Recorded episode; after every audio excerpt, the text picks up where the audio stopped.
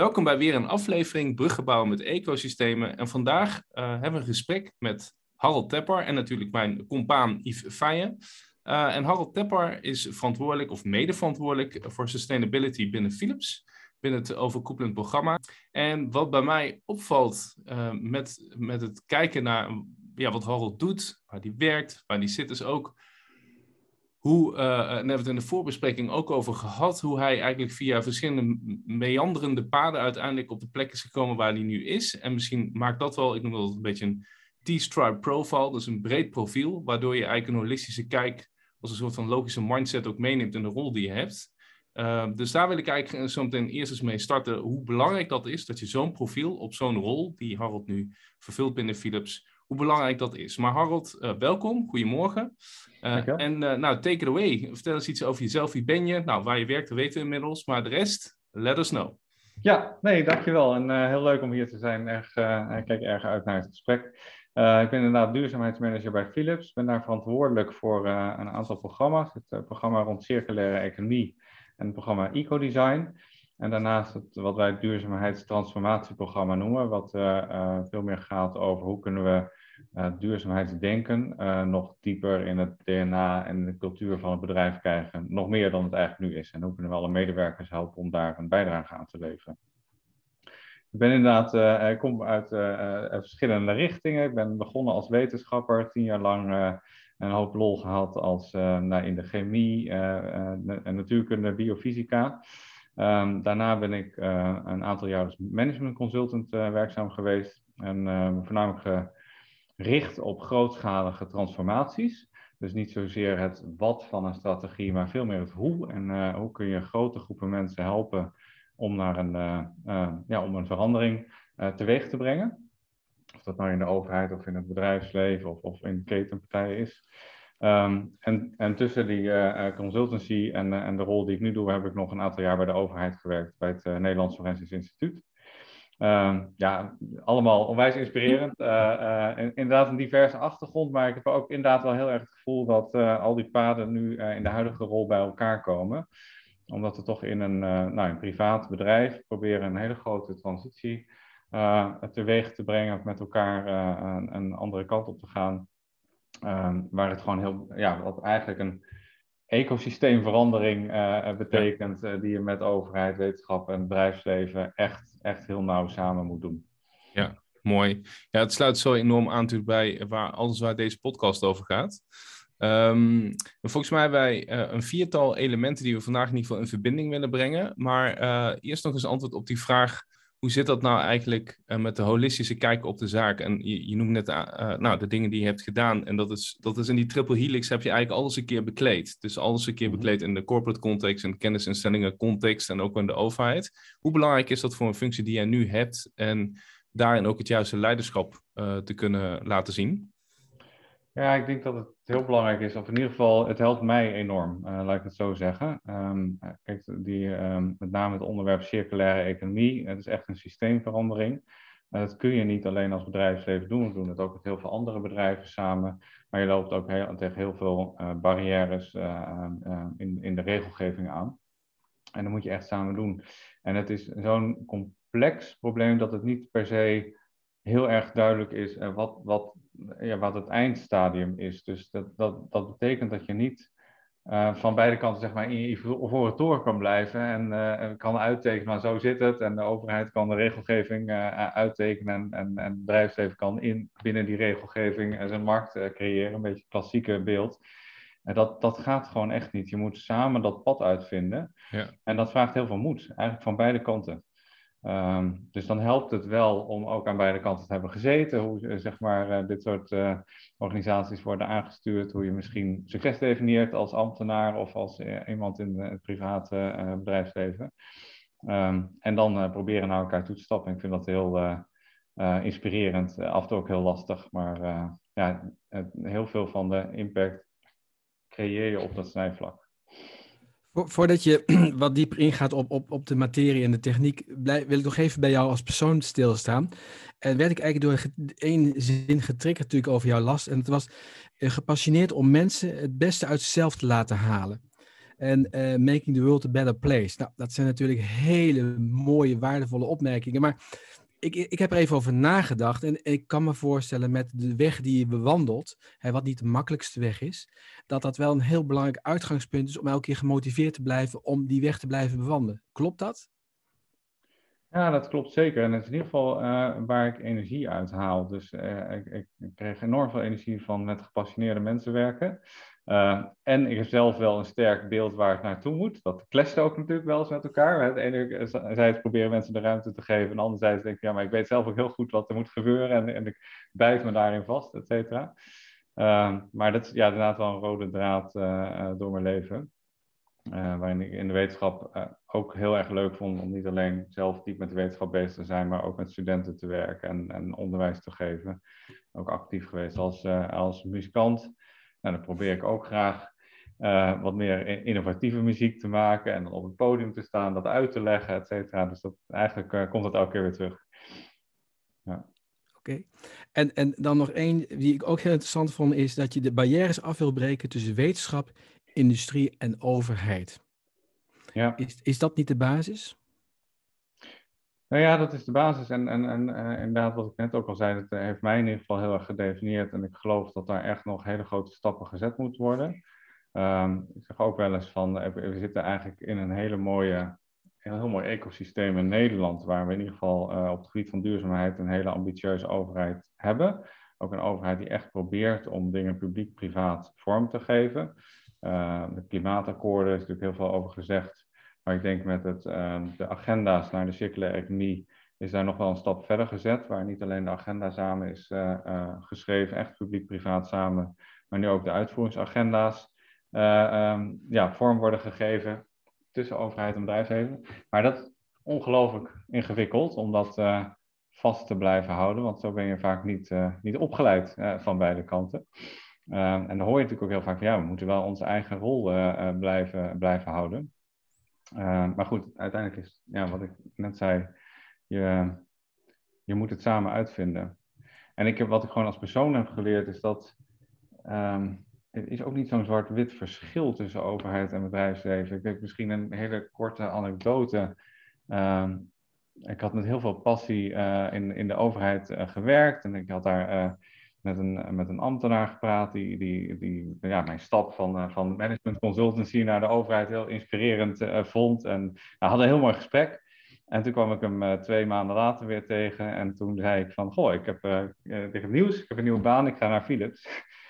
En zijn eerste reactie was van, goh, nou dan was je hele verhaal niet waar. Hè, dus je gaat nu weer naar de andere kant. En, wow. en wat is er nou waar van die passie? Vond ik eigenlijk, ja, dat heeft me wel geraakt.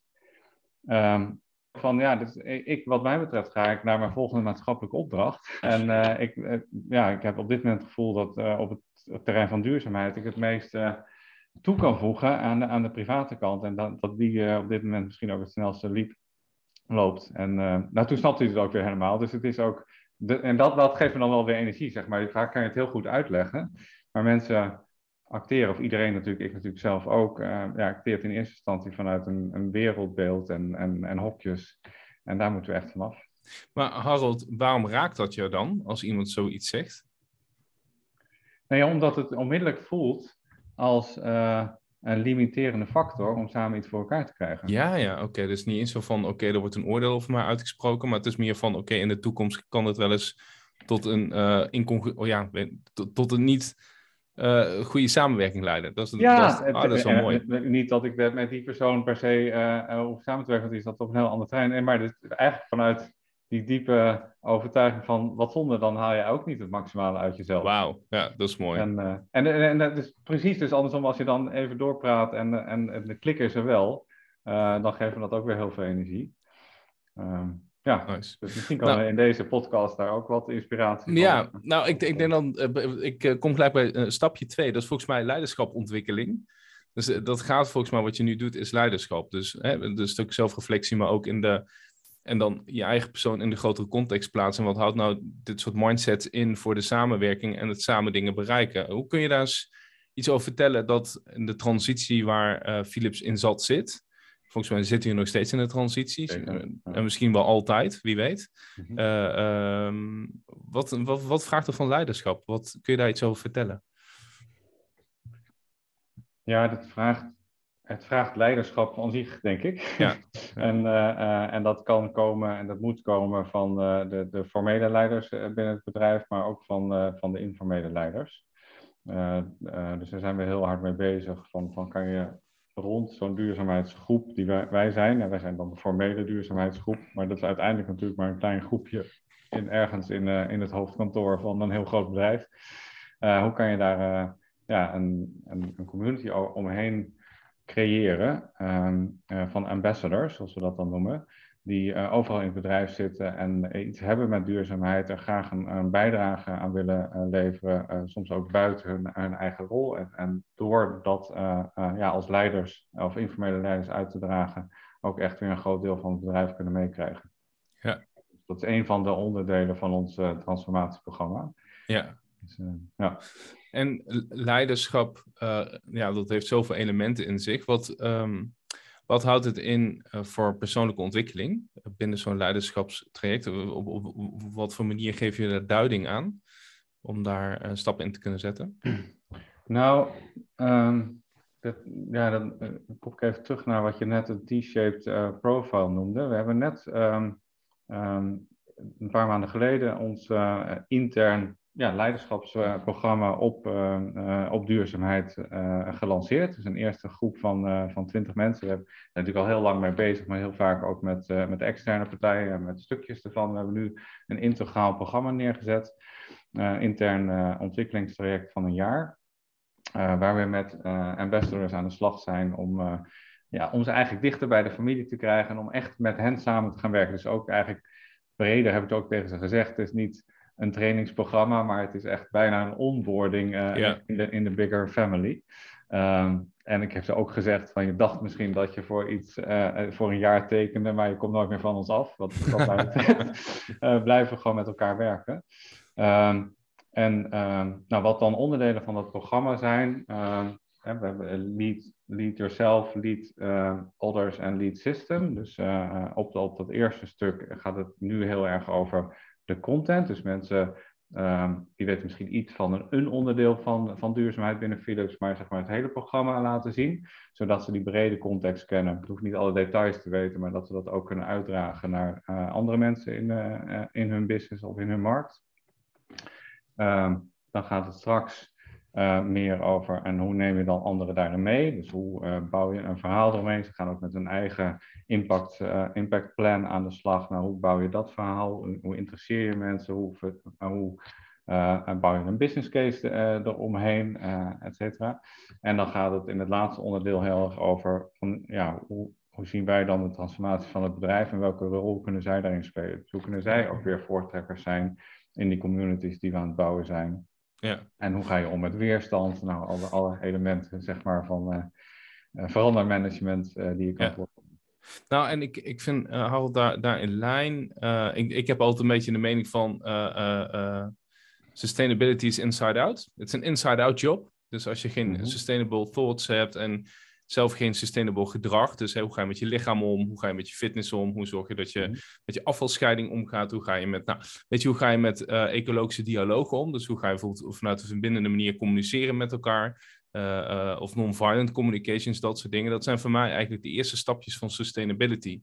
Dat je eigenlijk tot alignment komt van wie ben ik nou? Waar werk ik dan? En hoe doe ik het toe? En hoe kan ik een onderdeel uitmaken van de grotere impact? En als die essentiële vragen nog niet eens gevraagd of gesteld worden aan mezelf, dan, dan wordt het al heel snel op gedragsniveau heel lastig. Want dan komt er een mate van incongruentie. Hoe kijk je vanuit dat perspectief naar leiderschap? Ja, nou ja, dat raakt een heel uh, belangrijk punt. Dus ik denk authenticiteit is altijd uh, belangrijk. Als je niet authentiek bent, dan wordt het heel snel herkend. Dus, dus ik denk super belangrijk. Ja, ik denk dat is wel altijd een balans. Um, uh, dus, dus, dus het duurzaamheidsterrein moet ook niet een soort uh, waardecompetitie worden, zeg maar. Hè? Dus uh, ik stap ook nog wel eens in het vliegtuig.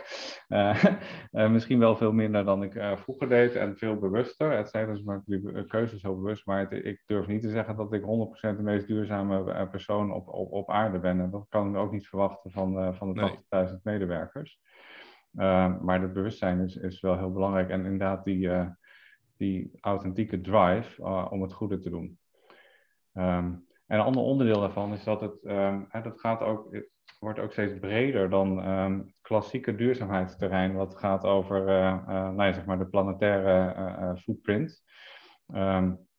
we hebben vorig jaar eind 2020 hadden we ons vijfjaars duurzaamheidsprogramma afgerond. Uh, uh, vijf jaar plan, een doelstelling gehaald. En toen zijn we weer gaan nadenken over wat is het volgende uh, vijfjaarsplan op duurzaamheid.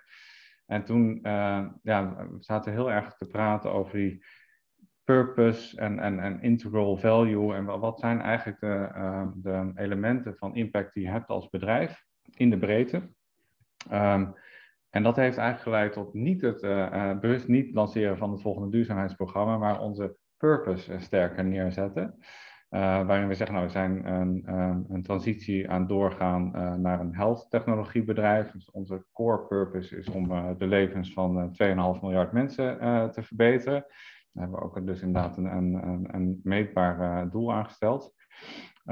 en dat, daarmee willen we de uh, beste waarde creëren voor onze klanten en onze uh, investors, shareholders, maar ook de best place to work zijn. Dus eigenlijk drie grote stakeholdergroepen, klanten, investeerders en, en, en, medewerkers. En alles wat we doen, willen we doen op een uh, verantwoordelijke en duurzame manier. En in die zin zit eigenlijk alles vervat. en, waar, en dat heeft enorm veel heeft enorm goed geresoneerd, uh, intern en extern.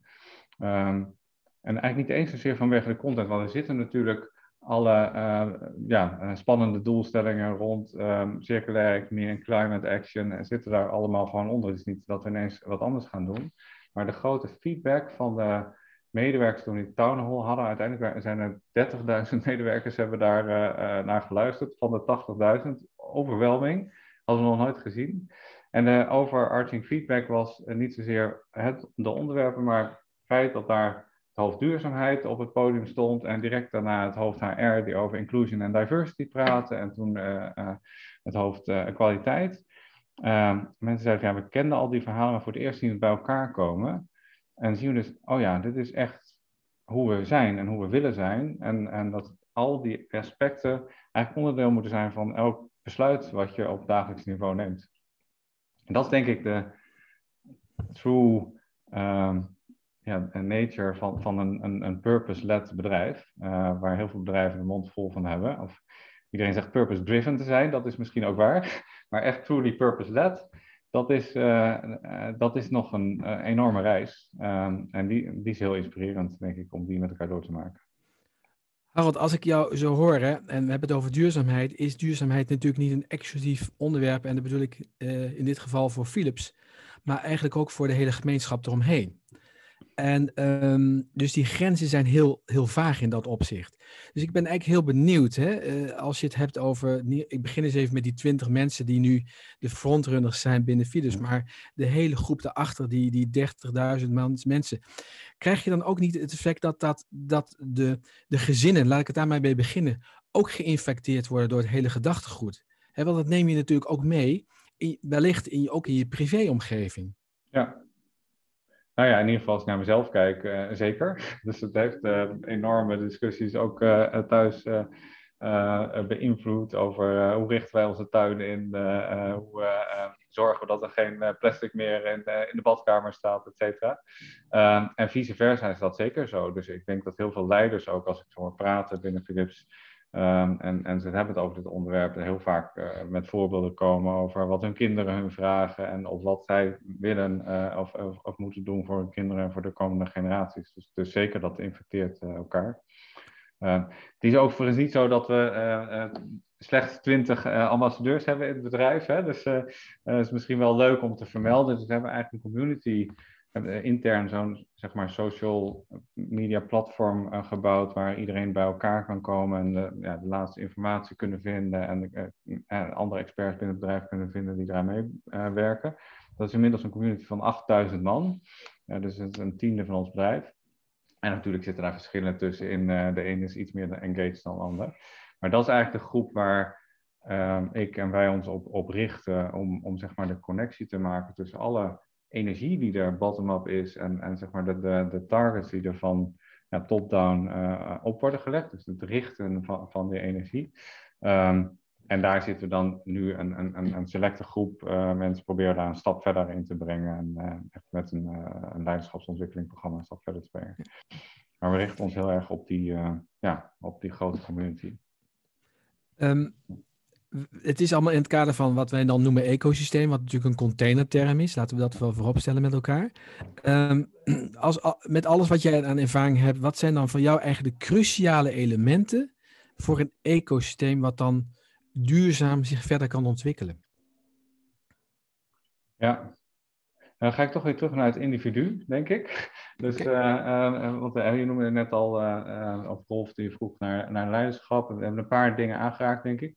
Maar in ons transformatieprogramma zitten vier pijlers. En, en die zijn ge, geënt op, op ja, vooral management theorie over wat is er nou voor nodig voor iemand, een individu, om een andere kant op te gaan.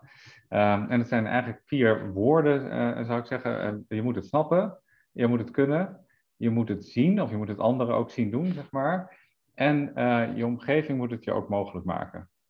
Um, dus en snappen, kunnen, zien en mogelijk maken. Dus als je die uh, dingen afpelt, dan, uh, ja, dan komt daar een hele, um, ja, een hele batterij aan, aan dingen achter weg. Die uh, zou kunnen toelichten. Misschien om de één te pakken en we kan op alle, alle vier ingaan. Maar het punt van snappen, ehm, dat gaat heel erg over communicatie. En wat wij en toen ik binnenkwam uh, een paar jaar geleden, uh, ja, was er een heel goed verhaal over circulaire economie. Was ook totaal naar targets en redelijk gecascadeerd door, door de business. Wat we de laatste jaren hebben gezien is dat het is niet genoeg om één um, corporate verhaal te hebben op, op deze onderwerpen. Je moet echt een stap dieper gaan. Kijk, circulaire economie betekent iets heel anders voor een designer in Eindhoven dan voor een, een marketeer in, in Brazilië of, of iemand in in de finance organisatie in, uh, in Azië is totaal anders.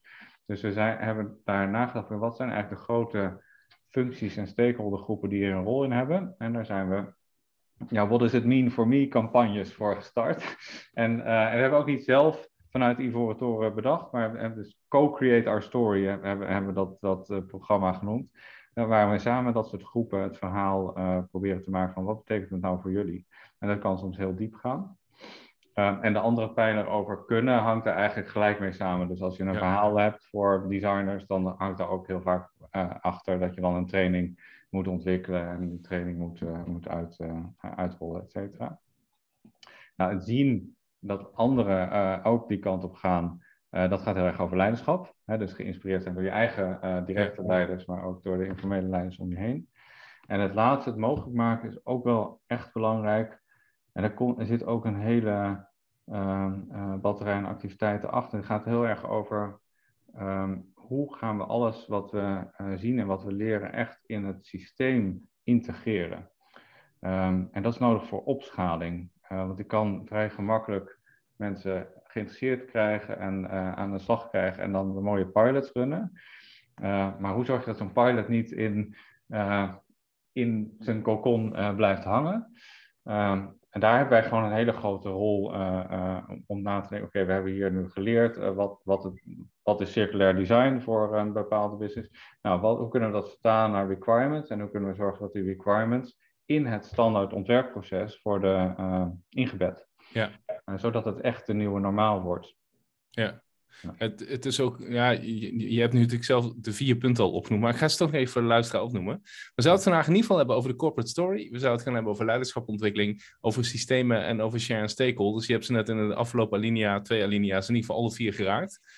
Wat ik mooi vond, uh, Yves die uh, gaf aan net van god, en hoe neem je dat verhaal dan mee naar huis? En ik herken dat zelf ook heel erg. Dat uh, nou, een van de members van mijn team, die komt ook van Philips vandaan, die doet de SDG's bij ons. En um, nou, dat het eigenlijk daardoor bij ons veel meer is gaan leven hier, hier intern. Dus als, je dan, als we het dan hebben van hoe ga je nou een corporate story op afdelingenniveau, dat is bijna op gezinsniveau dus. Dus hoe kun je daar zelf betekenis aan geven? En uh, toen je net die vier levels aangaf, moest ik ook heel erg sterk denken aan de logische niveaus uh, van verandering. Dus context, gedrag, vaardigheden, uh, mindset was het, identity en, en missie. Dus dat zijn eigenlijk oplopend de zes niveaus waarop je iets moet aanpakken. Waar in de context van Philips natuurlijk uh, altijd context specifiek op afdelingenniveau is. En de grotere context de corporate story is. Um, vanuit communicatie ga je dan, uh, hè, dus je hebt een community van 8000 man. Dat is al een engagement laag. Maar ga je dan ook nog een gezamenlijk, uh, of ga je dan de teams op zo'n afdeling ook uitnodigen om zelf te kijken hoe ze hun eigen narrative kunnen bepalen, zijn eigen story voor de afdeling? Of hoe doen jullie dat? Uh, ja, ook. Dus, dus uh, ja, all of the zou ik gaan zeggen. Dus inderdaad, in, in het leiderschapsprogramma wat ik net beschreef, is een onderdeel, eigenlijk de rode draad, dat iedereen ook aan zijn eigen impactplan werkt. Nou, dat kan een groot idee zijn of een klein idee. En een onderdeel daarvan is om een, een, een storytelling workshop, zodat ze ook hun eigen verhaal kunnen, kunnen brengen. Ja, gaan we alle afdelingen in. Nee, dat, dat lukt niet. Uh, dus, dus, dus we proberen dat meer op functioneel niveau uh, aan te pakken, zoals ik het net beschreef. Dus hè, dat, ja. een onderwerp als uh, ontwerp. Nou, wie zijn de key stakeholders in ontwerp? Dat zijn de chief architects. globally across all, all businesses. Dus die maken dan onderdeel uit van, van die training. En die proberen ook een soort train-de-trainer concept te zorgen dat zij hun lokale ontwerpers daar weer in meenemen. Ja. Nou, dat hebben we de afgelopen twee jaar gedaan op het terrein van circulair. Dit jaar zijn we bezig en volgend jaar ook nog uh, heel veel meer aan de voorkant, dus uh, marketing en sales teams. Van wat hebben we nou eigenlijk aan uh, duurzame proposities? Wat vraagt de klant? daar zitten we eigenlijk wel in een hele gelukkige positie. in de health of in de gezondheidszorg zijn steeds meer ziekenhuizen die ook hun eigen planetaire duurzaamheidsambities hebben. Ja. Um, eigenlijk vanuit de eet van Hippocrates, hè, de do no harm. Dat is steeds meer gevoel van ja, je kan wel in de business zijn van mensen beter maken, maar die kan je dan niet op een ongezonde planeet neerzetten. Dus dat, dat haakt heel erg mooi in elkaar. Dus er komen steeds meer uh, ziekenhuizen aan ons toe die zeggen van wij willen het eerste circulaire ziekenhuis in deze staat in Amerika zijn. Kunnen jullie ons helpen? Ja. Uh, nou, hebben wij ook vaak niet het antwoord. Dat is ook een kwestie van co-creatie. Maar dan moet je wel zorgen dat de key account managers of de mensen die de belangrijkste relatie met de klant hebben, ook snappen waar het om gaat. En dat, uh, dat kunnen uitdragen. Ja, wat ik, uh, um, wat ik ook bijzonder vind, we hebben toevallig gisteren een podcast opgenomen met, uh, met Fontis. En dan ging het ook heel erg over hybride leeromgevingen voor studenten te creëren. Ook in een ecosysteem aanpak, overarching over silo's heen. Uh, en dat hoor ik eigenlijk bij jou ook. Dus hoe, uh, en jullie hebben natuurlijk een ander. Jullie, jullie hebben een, nou, uiteindelijk toch een, een bedoeling om geld te verdienen economisch uh, relevant te zijn. En bij een onderwijsinstelling is dat misschien toch nog een andere doelstelling. Dus om juist mensen te, te leren en nou, gebalanceerde professionals als output te kunnen genereren. Um, maar dat hybride leren, of dat over, overarching, zoals ja, jij het toch de, misschien toch leuk. Ja, nee, graag. want het is toch de vraag dat zo is. Dan komen we weer natuurlijk bij de klassieke hokjes terecht. Um, kijk, ik denk dat uh, de rol van een bedrijf in de samenleving uh, snel aan het veranderen is. En dat uh, door allerlei omstandigheden, maar ook door externe druk. Hè? Dus, dus, dus het idee van een purpose-led bedrijf, dat komt niet uit de lucht vallen. De, ik heb echt het gevoel dat um, de, de, de, samenleving daarom vraagt. Mm -hmm. Je ziet de, de klimaatrechtszaken, zie, zie, de, zie de marsen, maar zie, zie ook de investment community die steeds meer op zoek is naar, naar duurzaam beleggen en het geld duurzaam. Dus de, de, die lange termijn blik en de, termijn, en de blik op wat voor waarde creëer je eigenlijk, en die wordt steeds belangrijker. Je zou kunnen zeggen, het zit al in de genen van Philips. Hè? Dus al 130 jaar geleden uh, was het al een bedrijf dat niet per se werd opgericht om gloeilampen te maken, maar ook eigenlijk werd ook in jullie, een van jullie vorige podcasts benoemd uh, met, met, met, met Stijn uh, Steenbakkers. Over van ja, niet mensen als, als medewerkers zien, maar als, als, als mensen die, die een leven hebben. En dat leven Ja. is, vindt deels in dat bedrijf plaats. Ehm, en dat bedrijf heeft dus een rol om, nou in dat geval destijds eh, huizen te bouwen, eh, aan de cultuur te werken, aan sport te werken, et cetera. Nou, die rol is misschien aan, aan het verschuiven. Ehm, maar dat gedachtegoed komt denk ik heel erg terug. Ja. En, en dus vandaar ook dat ik zeg, van, ik denk continu naar wat is de waarde die je aan je klanten biedt. En je kan je nog zeggen, is de klant het ziekenhuis of is de klant de eindpatiënt? Het zijn allemaal klanten natuurlijk. ja, precies. En, Ja. en wat is de waarde voor je medewerker? En wat is dan eh, de waarde voor, ehm, eh, voor de investeerders? Ja. Maar je zou dus dat best kunnen omdraaien en zeggen van, je hebt een rol om maatschappelijke waarde te creëren. Ehm, en je hebt daar een legitimiteit voor gekregen door het geld wat je investeerders eh, daarin stopt. Ja, ik vind dat wel een hele goeie inderdaad. Dus de herkadering van het gaat niet. Geld is een onderdeel van de grotere waarde die je eh, genereert. Maar in die waarde, daar zitten veel meer pakketjes nog in eh, waar je waarde op levert. Dat klopt dan toch, of niet? Ja, precies. En ik denk eerlijk gezegd dat die, de, de baas van Fontis daar ook niet heel veel anders op zal, eh, zal Denk reageren. het ook die niet. heeft uiteindelijk natuurlijk ook geld nodig om dat, eh, de, de waarde die hij wil creëren Ja. eh, te doen. En of dat geld dan van de overheid komt of van een klant, is, ja, is dan minder relevant, denk ik. Ja, het gaat vooral over de business case die je voor het collectief hebt dan. Ja. Ja, en hoe, ehm, maar dus dat hybride, hybride onderwijs, de agile teams, hè, de scrum teams, agile teams, wij noemen het al minimal viable teams. Dus, Mhm. dus het gaat allemaal perspectieflenig worden. Het gaat uit je hokje komen. Ik noem het Horizon 1. En ga nou eens in je greenfield en je Horizon 3 ga daar nou eens met elkaar spelen in de zandbak en kom daar eens tot nieuwe ideeën. Ehm, daar horen ook andere, eh, eh, misschien wel andere metrics bij, andere ehm, meetinstrumenten. En dan ga ik ook heel langzaam naar dienende systemen. Dat is ook een onderdeel van onze podcast. Ehm, hoe kijk je daarnaar? Als je de, van de ene kant, wat zijn nou de metrics van de toekomst? Een organisatie is toch ook een soort van mechaniek. Maar van de andere kant, ehm, hoe gaan we elkaar uitnodigen om bij te dragen op de juiste eh, doelstellingen? Hoe, hoe zou je daar, ja, wat voor een extensie hang je eraan vanuit jouw Ja. eh, gedachten? Ontzettend goede vraag en, eh, en ongelooflijk ingewikkeld. Ik vind dat persoonlijk heel erg, heel erg ingewikkeld. Nee, want ik, ik hou me eigenlijk dagelijks bezig, zou ik wel durven zeggen. Dus ik zie ook inderdaad die verandering eh, van, van hoe organisaties eh, zich opbouwen. Steeds meer dynamisch, steeds meer netwerkachtige organisaties. En, dan en die houden dus ook niet op bij de, bij de muren van, eh, van je bedrijf, zeg maar. Dus dat wordt steeds meer genetwerkt. Dat betekent dat je als je in die context ideeën wil genereren, dat je veel meer inderdaad naar hackathons en spontane meetings toe gaat. et cetera. Dat doen wij ook allemaal. Ehm, en tegelijkertijd heb je een opdracht om iets voor elkaar te krijgen. Ja. Dus eh, daar, en vandaar dat ik zeg, dat houdt me dagelijks bezig. Nou, daar, daar zie ik gewoon eh, een hele grote rol voor ons om te zorgen dat het wel al die fantastische energie en die ideeën die je genereert gericht worden op een, in, in een bepaalde richting.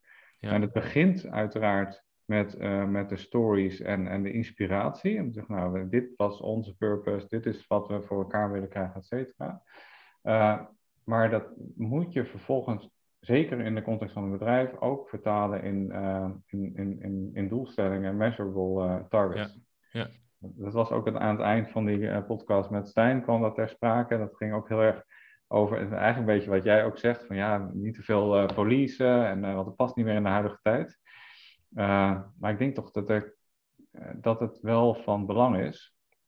Want dat zie ik ook wel in, uh, zijn ook binnen Philips allerlei spontane groeperingen die bij elkaar komen, young professionals, et cetera. Nou, die beginnen dan uh, ook, die komen met hun eigen thema's. Nou, duurzaamheid is daar dan gelukkig ook altijd een thema van. Mm-hmm. Uh, maar als je daar je zeg maar niet tegenaan bemoeit, dan, uh, dan komen daar ideeën uit ehm, die niet per se in de richting gaan waar je als Philips naartoe wil. En dan kan je zeggen, nou is dat erg. En ja, dat is wel erg, want ja, het maakt dan niet um, optimaal gebruik van de, van de wisdom van, van, van de collective. Want dan kunnen alle kleine subgroepjes allerlei verschillende kanten op gaan.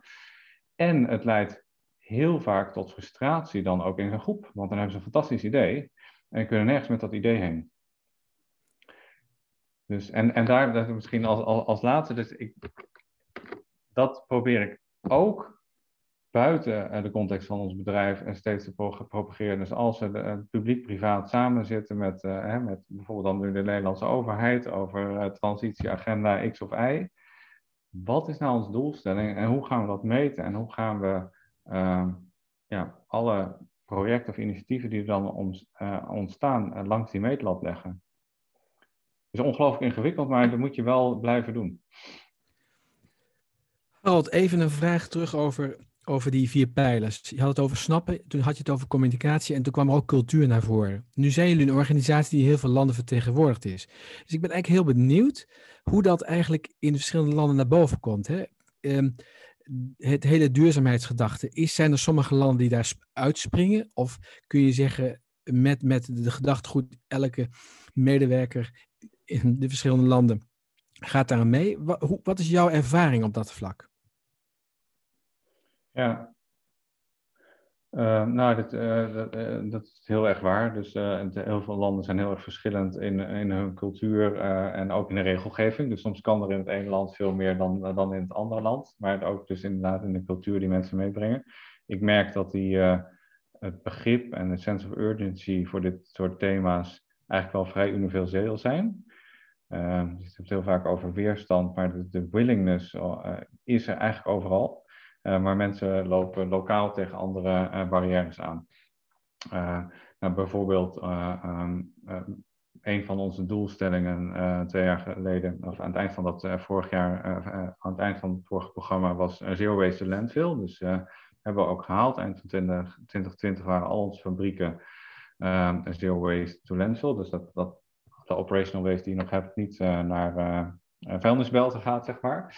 Maar als je kijkt in die vijf jaar, uh, dan is het ene markt daar veel sneller mee, mee heen gegaan dan de andere markt. Nou, dat kan zijn omdat de technische mogelijkheden er niet waren. Dan moeten wij helpen en dan moeten we zeg maar, de best practices laten zien en kijken of we dan ergens anders heen kunnen krijgen. Maar een ander aspect was, sommige markten is dumpen gewoon enorm goedkoop. Uh, en dan krijg je vragen terug van de business van ja, oké, uh, dat wil ik wel doen, maar uh, wie gaat, kun je even een centraal budget daarvoor regelen? Nou, en dan is het fantastisch dat je in een bedrijf zit, zit waar je kan zeggen nee, dit, is de policy, dus dit gaan we gewoon doen en dat moet uit je eigen budget komen. Um, en dat vinden mensen dan ook wel weer prettig, dat, want die voelen dan ook de endorsement en, en de, ja, ja, de kracht erachter. Maar dat is één voorbeeld, inderdaad. En, en andere voorbeelden zijn um, regel, lokale regelgeving.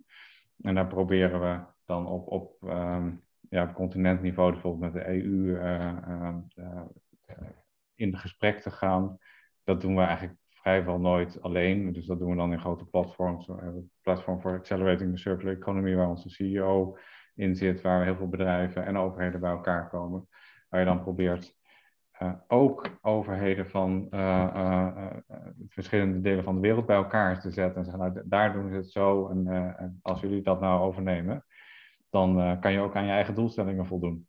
Want het geldt ook heel vaak in de overheid dat er is blokkingregelgeving, maar tegelijkertijd hebben ze ook een grote doelstelling. En dus soms is het ook gewoon laten zien hoe die twee elkaar in de weg zitten. Oké, ehm, dan toch nog even naar een vraag waar we eigenlijk vooraf even over gesproken hebben. De ROI van duurzaamheid. Hoe kunnen we dat meten? Uh, wij, hebben daar uh, in andere podcastseries ook wel eens over gesproken. En um, eigenlijk zouden we heel graag willen weten wat jouw visie daarop is. Ja, ja dat is een, uh, ik zeg elke keer een complexe vraag die je stelt, maar uh, deze ook. Vooral omdat er niet één antwoord op is. Dus een van de redenen waarom we zo hard in circulaire economie zijn gestapt, is vanwege het woordje economie. Omdat het ook uitstraalt dat er businesswaarde in zit.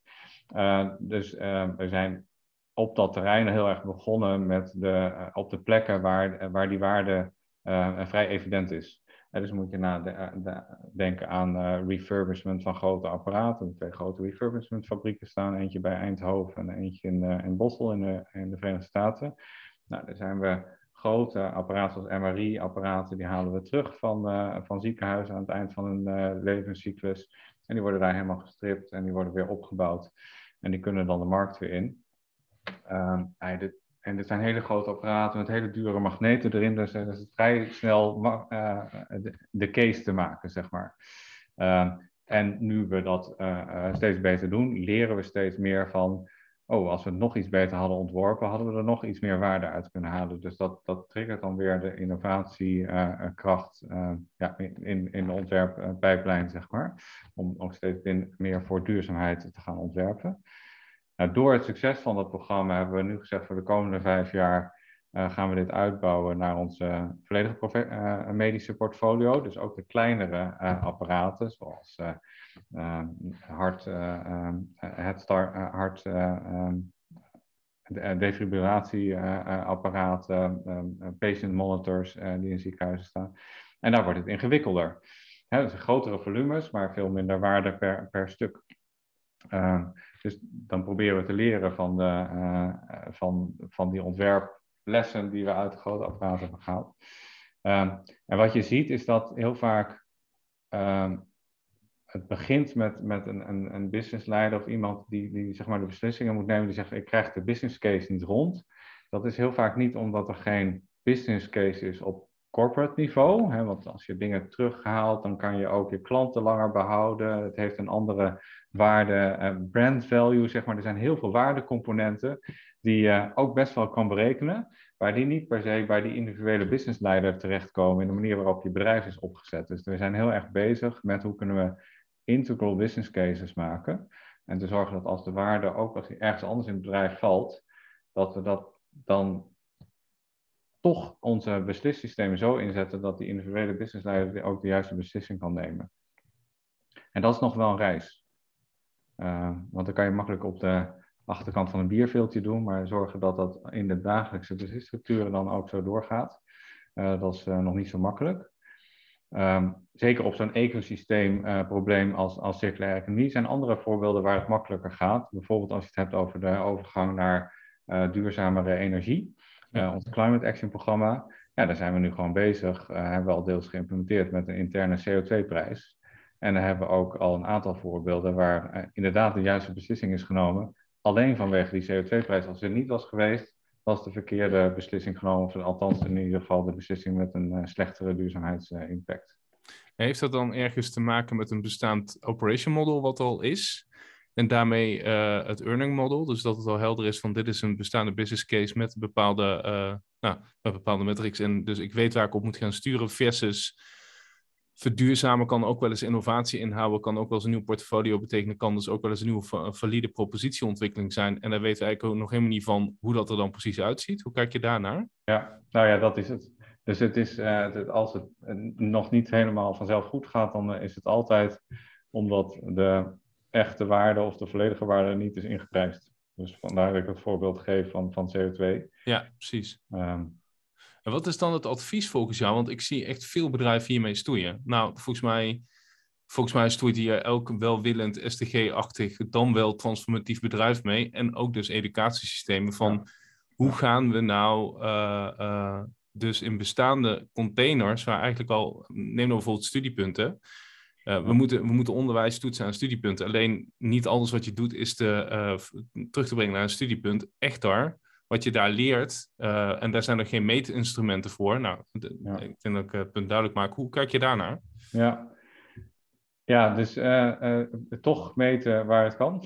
Dus, ja. en, en, nogmaals, daar, daar, daar denk ik dus dat soort, dit soort centrale functies, zoals wij er dan in zitten, een cruciale rol hebben. Ja. En dat je er inderdaad op een eilandje in het bedrijf niet, niet uitkomt.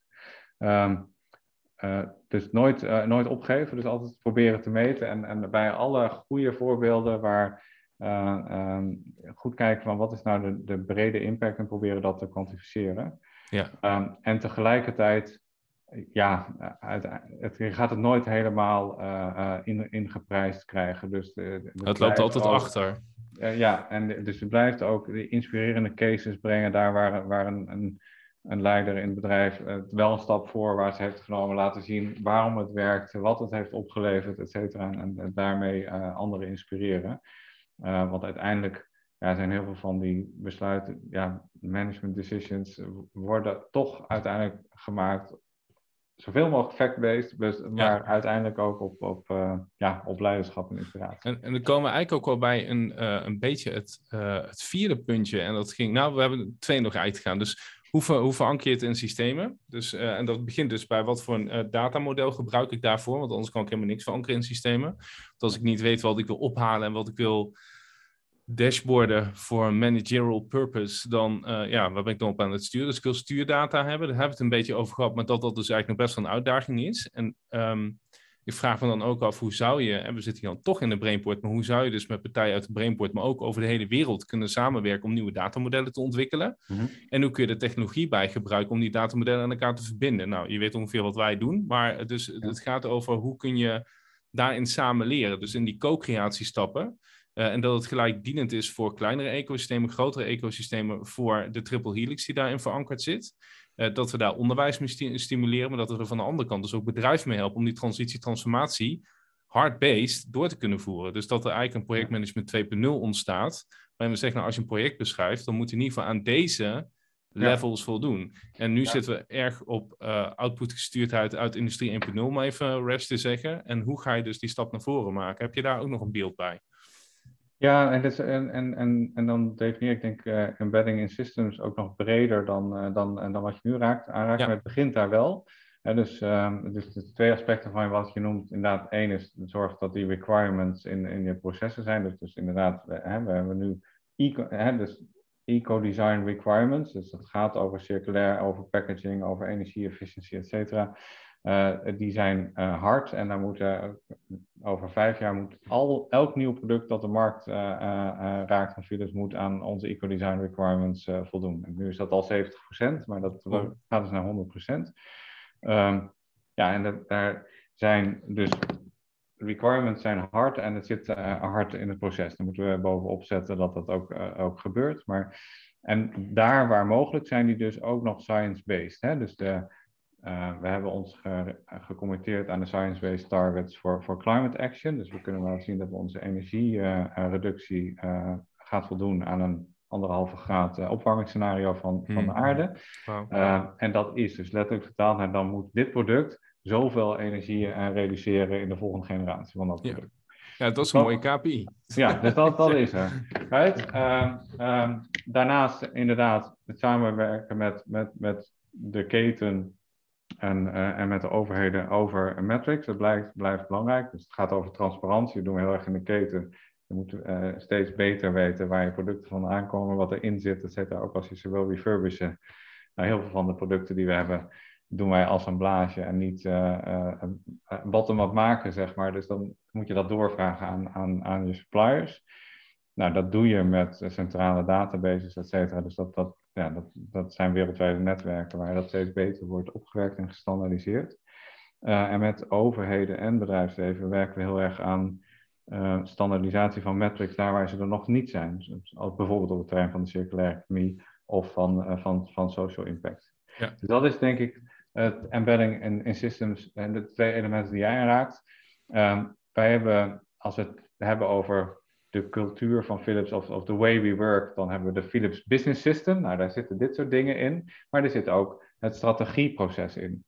Dus we zijn het laatste jaar ook heel erg bezig geweest met, oké, we hebben al die duurzaamheidsdoelstellingen, maar staat dat nou ook in de individuele bedrijfsstrategieën van de bedrijfsunits? Ja. Nou, daar hebben we met alle bedrijven met samengewerkt en zorgen dat dat zo is.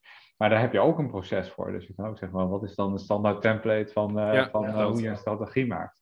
Nou, vervolgens gaan we nu bezig met het portfolio management proces. Dus dat gaat veel meer over de dagelijkse uh, beslisstructuren. Ja. En zo zijn er heel veel elementen en, en, en tot en met uh, people and culture. Ja. dus wat staat er in je, uh, in je recruitment uh, teksten bijvoorbeeld? Wat zeg je daar over duurzaamheid? Wat, wat is er dan aan, aan deze onderwerpen wat komt er aan bod in je onboardingproces, nou, in, in, je ontwikkelingsproces, et cetera. Dus al dat soort, dat is eigenlijk het brede systeem. En het laatste element, en, en er zijn natuurlijk ook wel heel veel bedrijven mee bezig, wel, hoe zit je incentive systeem in elkaar? Ja. En dat is ook continu goed luisteren. Dus we hebben al onze um, corporate sustainability doelstellingen, die zijn um, uh, allemaal onderdeel van het incentive systeem van onze top uh, executives. maar het is ook meer dieper in de organisatie. Als, ik, als wij aanlopen tegen het feit dat in bepaalde markten de groei van onze refurbished sales achterblijft, uh, dan, als je dan goed doorvraagt waar komt het vandaan, dan is het soms ook omdat dan een, uh, een sales manager zegt, ja, maar in mijn uh, opdracht staat nog steeds dat ik zoveel mogelijk nieuwe producten moet verkopen. Ja, ja, ja. Dat is soms heel, heel pragmatisch. Maar ja, dat hoort ook bij het embedding processes. Ja, ik, ik vind, ik had gisteren een, een dialoog met iemand um, over, de, over corona. Dat is heel interessant. Daar zit een parallelletje in. Ze zei van, we hebben systemen ontwikkeld die uh, mensen tegen zichzelf beschermen, maar we hebben geen systemen ontwikkeld die mensen in staat stellen zelf te leren denken. Dus uh, uh, even rash, weet je wel. Het is, het is niet zo zwart-wit, maar denk van, oh ja, dat is wel interessant. Dus we moeten ook volgens mij naar systemen toe die bijdragen aan een stuk awareness. Die bijdragen aan jouw zelfdenken, zelfkritisch denken en zelf ook nadenken over je handen. Van waarom doe ik dit nou eigenlijk? En dan... Ja daarvan, dat is een beetje waar ik ook, wat ik ook eerder aangaf, vanuit daar komt ook daadwerkelijke duurzaamheid. Duurzame gedachten, duurzame alignment leidt tot duurzaam gedrag. En ik denk, uh, als we daar mensen in helpen om die stap te kunnen maken, dan krijgen we dus ook per definitie duurzame professionals en duurzame bedrijven, omdat die gewoon van inside out. Dus als een salesman zegt, ja, maar ik moet zoveel verkopen, dus dat is nog steeds vanuit de opdracht geredeneerd en niet vanuit van, hé, hey, maar hoe ik dat doe, daar, daar kan ik zelf impact in hebben. Zeker, ja, ja. Dus dat, dat is voor mij in het leiderschap uh, deel een onderdeel. En we gaan denk ik ook een beetje toe naar het einde van deze podcast. Ik kan waarschijnlijk nog, en Yves, en ik hoop jij ook, Harold, in ieder geval nog een uur doorkletsen, maar dat gaan we niet doen. Uh, ik heb nog, we hebben stakeholders gehad, duidelijk, maar we hebben ook nog shareholders. En ik denk dat dat um, voor een bedrijf als Philips is dat ja, uh, evident essentieel. Um, kun je eens uitleggen aan ons en aan de luisteraars wat, um, wat nou precies de impact van shareholders is in deze dynamiek? Ja, nou, een hele positieve. Het gaat echt heel erg hard. Dus ik, denk dat ze heel lang uh, het argument geweest waarom uh, wat meer sceptici zeiden van nou, bedrijven die, uh, die gaan toch niet snel genoeg veranderen, want die zijn onder het juk van de, van de shareholders. Ja, wij zien juist dat de investment community echt heel hard op zoek is naar, naar, naar duurzaam, duurzame beleggingen. Dus als wij onze jaarlijkse shareholders meeting hebben, dan, dan is volgens mij nu iets van de helft van de vragen gaat over duurzaamheid. En dat zijn hele scherpe vragen van hè, wat doe je dan echt? Wat zijn de doelstellingen? Hoe toon je het aan, et cetera?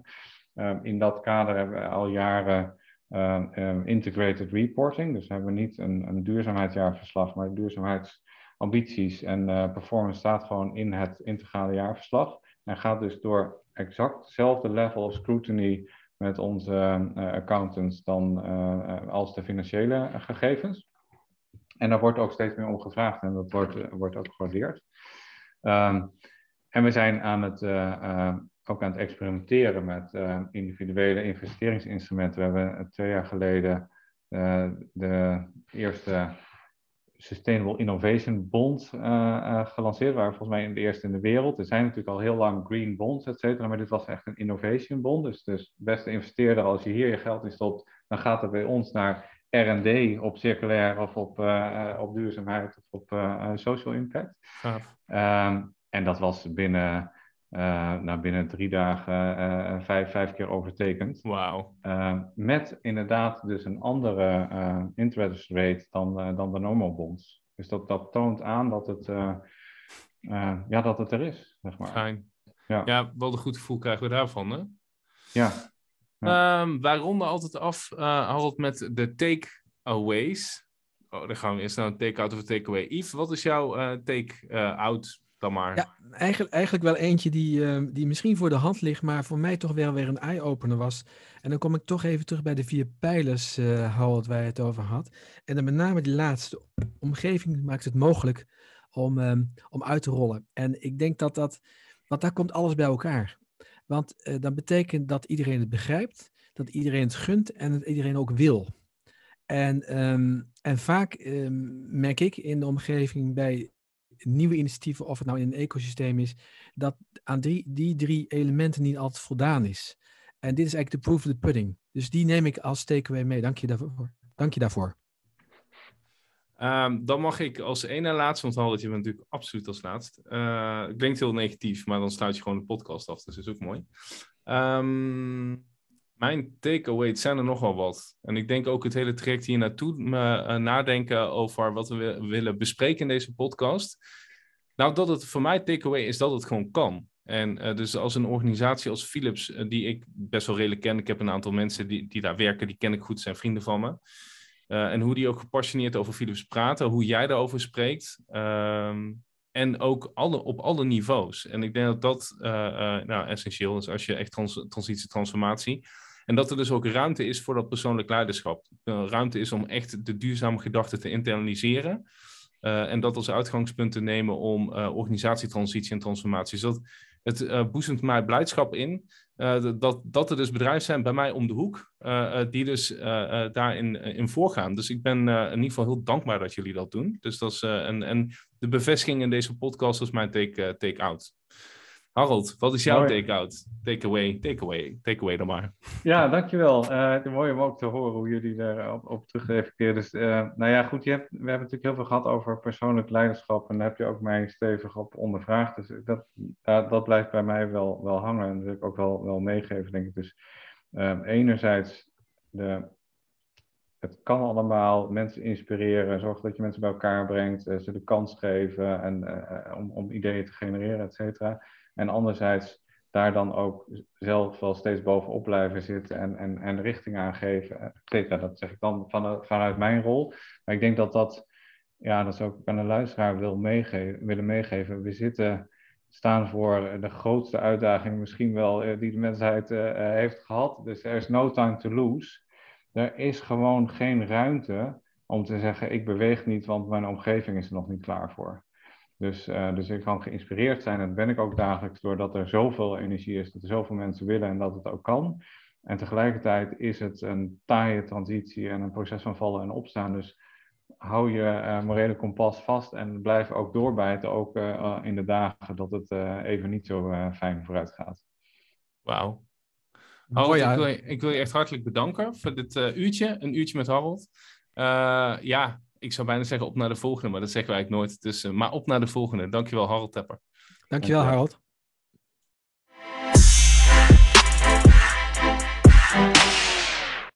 Wil je meer weten over deze uitzending of over andere uitzendingen? Neem dan contact met ons op op bruggenbouwen met ecosystemen@gmail.com.